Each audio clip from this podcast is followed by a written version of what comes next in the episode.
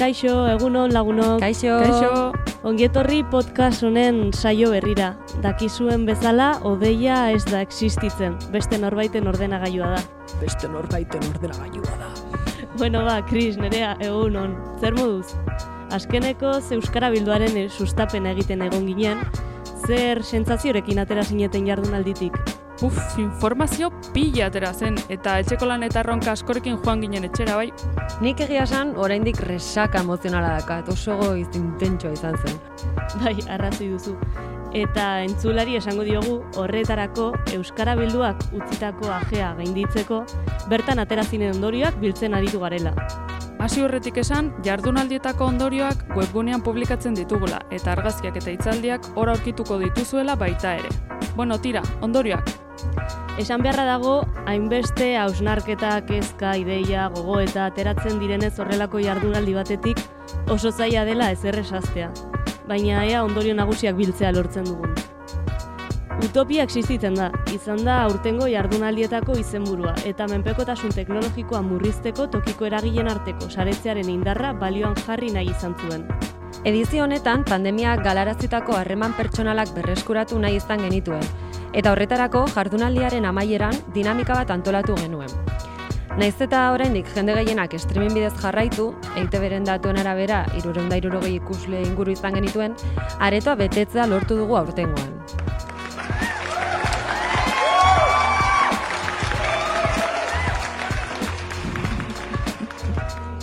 Datu hauek ezagututa, goazen bertan atera genituen ondorietara.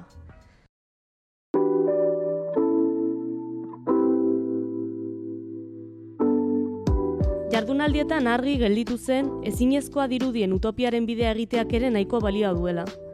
Hor ditugu adibidez, Hernani Burujabe, Renteriako Data Center eta Herribizia proiektuak eta Antik Peix Bask eta Telier Lanberria. Erakusten digutenak, Euskal Herri Digital eta Burujabea lortzea posible dela. Horiek ezagututa teknologia burujabetzaren bidean urratsak ematen ari garela ikusi dugu. Venga, ba, niri e, ikaragarri gustatu zait proiektu realak ezagutzea. Horrelako jardunaldiek izugarrizko garrantzia dutela iruditzen zait, zentzu horretan. Nolabait, e, saretzearen garrantzian argi bat jarri da, ez? Eta ikusi da, nolabait, e, utopia oruntz edo oruntz bateko, ba, ze garrantzitsua den e, ehuntzea, ez? Eta utopia hori gaur uste dut hori hori garrantzitsua dela, ez? Ukitu dezakegula. Eta ez dela zerbait astratua. Ez, ez, ez. Jendea ari da utopia hori bizitzen.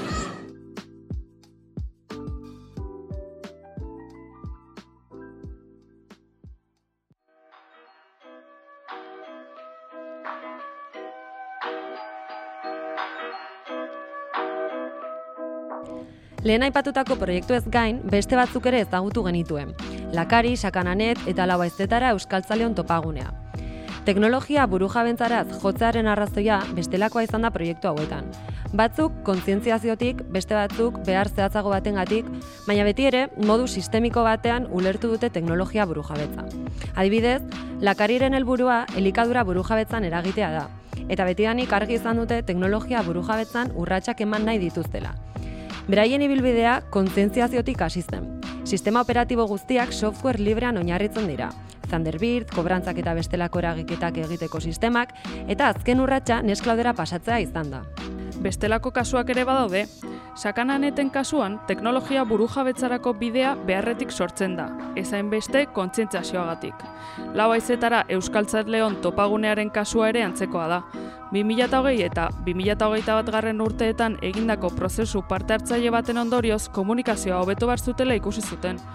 Orduan, talaiosekin bideo horre bat egin zuten eta hor ikusi zuten eurek teknologia burujabetzaren kontzeptua lehenengo aldiz. Digitalizazio arduratsuaren kontzeptuaren mai gaineratu zen. Eredu honek gizakiak gizartean eta ingurunean dituen aztarnak txikitzeko helburua do eta lerro ezberdinak lantzen ditu. IT for Green da bat, ingurumenean gure aztarna murrizteko izango litzatekeena, IT for Human beste bat, denen zerbitzurako digitalizazioaren alde egiten duena, eta Human IT, pertsonak gehiago errespetatzen dituen digitalizazio baten aldekoa dena.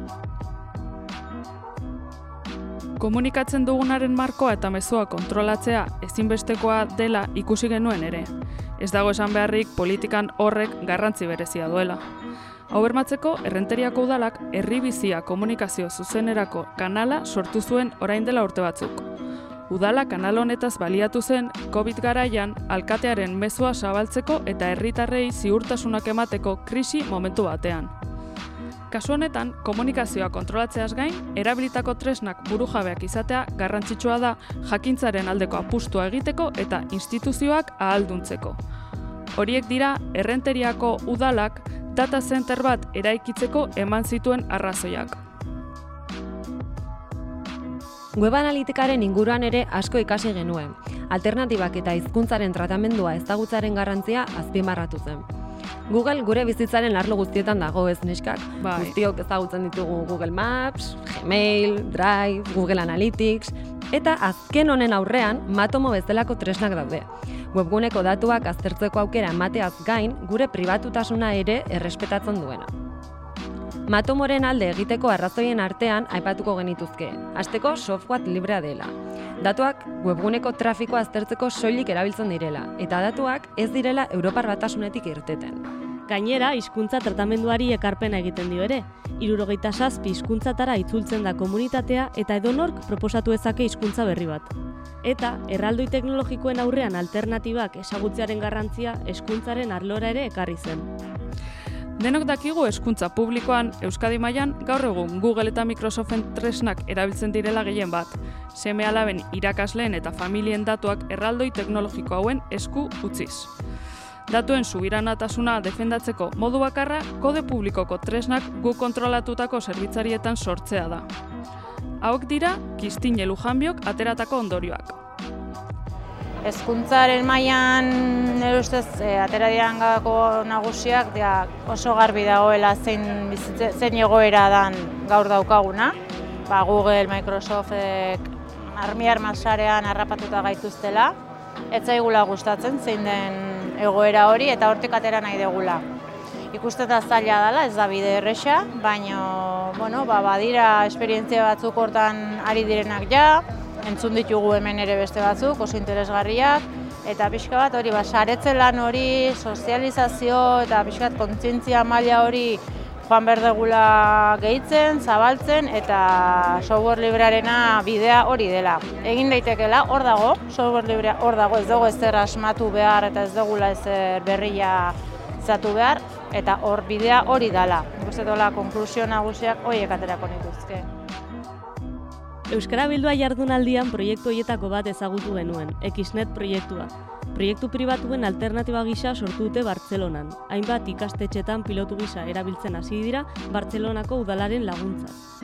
Erakunde publikoek gizartearekin arduratsuak diren teknologia garatzeko gai izan behar dute, eta hori gertatzeko modu bakarra teknologia irekiak eta libreak garatzea da.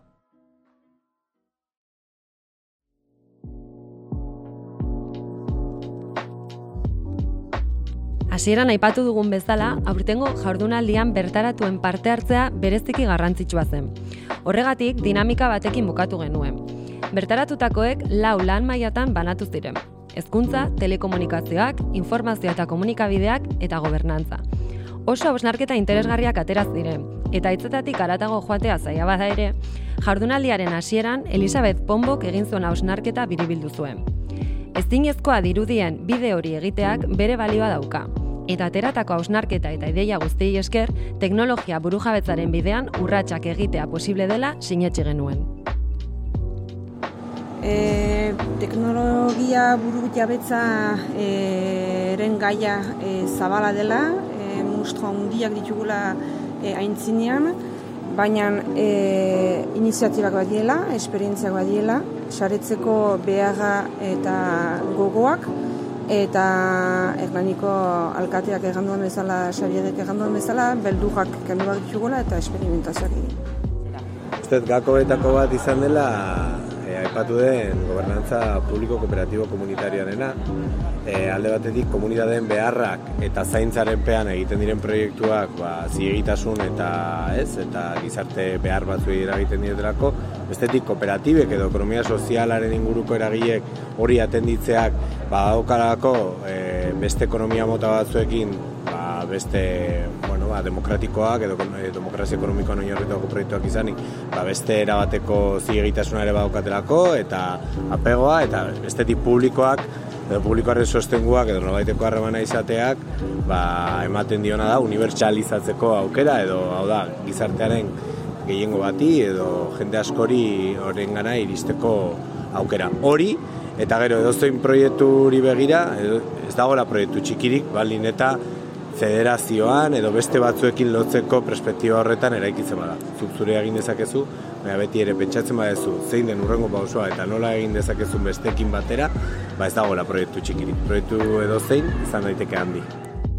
Bueno, ba, noa batez ere egiteko gogoz eta egitearen beharra zabaltzeko gogoz. Askotan iruditzen zait gaur hausen hartutakoarekin beste batzun zain gaudela, beti, edo modu perfektuaren bila, ez? Eta ba, abiapuntuak anitzak izan behar dutela, askotarikoak eta gero topatuko gehala, toki ezberdinetan, eta guztiak nola bat egiten duen, ba, hartuko dugula beranduago beharrezkoa balin bada, baina gutxien ez daukiko ditugula eta baditugula praktika e, egoki batzuk edo norabide egokian doazen praktika, praktika batzuk zeinak uztargarriak izango dian beste batzuekin eta bakoitzak egindako bideetik zerbait alde batean utzi behar badegu ba segurazki ez dugu aratzorik izango hortan. E, bai, nire ustez gehien e, hitz egin dugunetako gako bat izan da saretzeko beharra.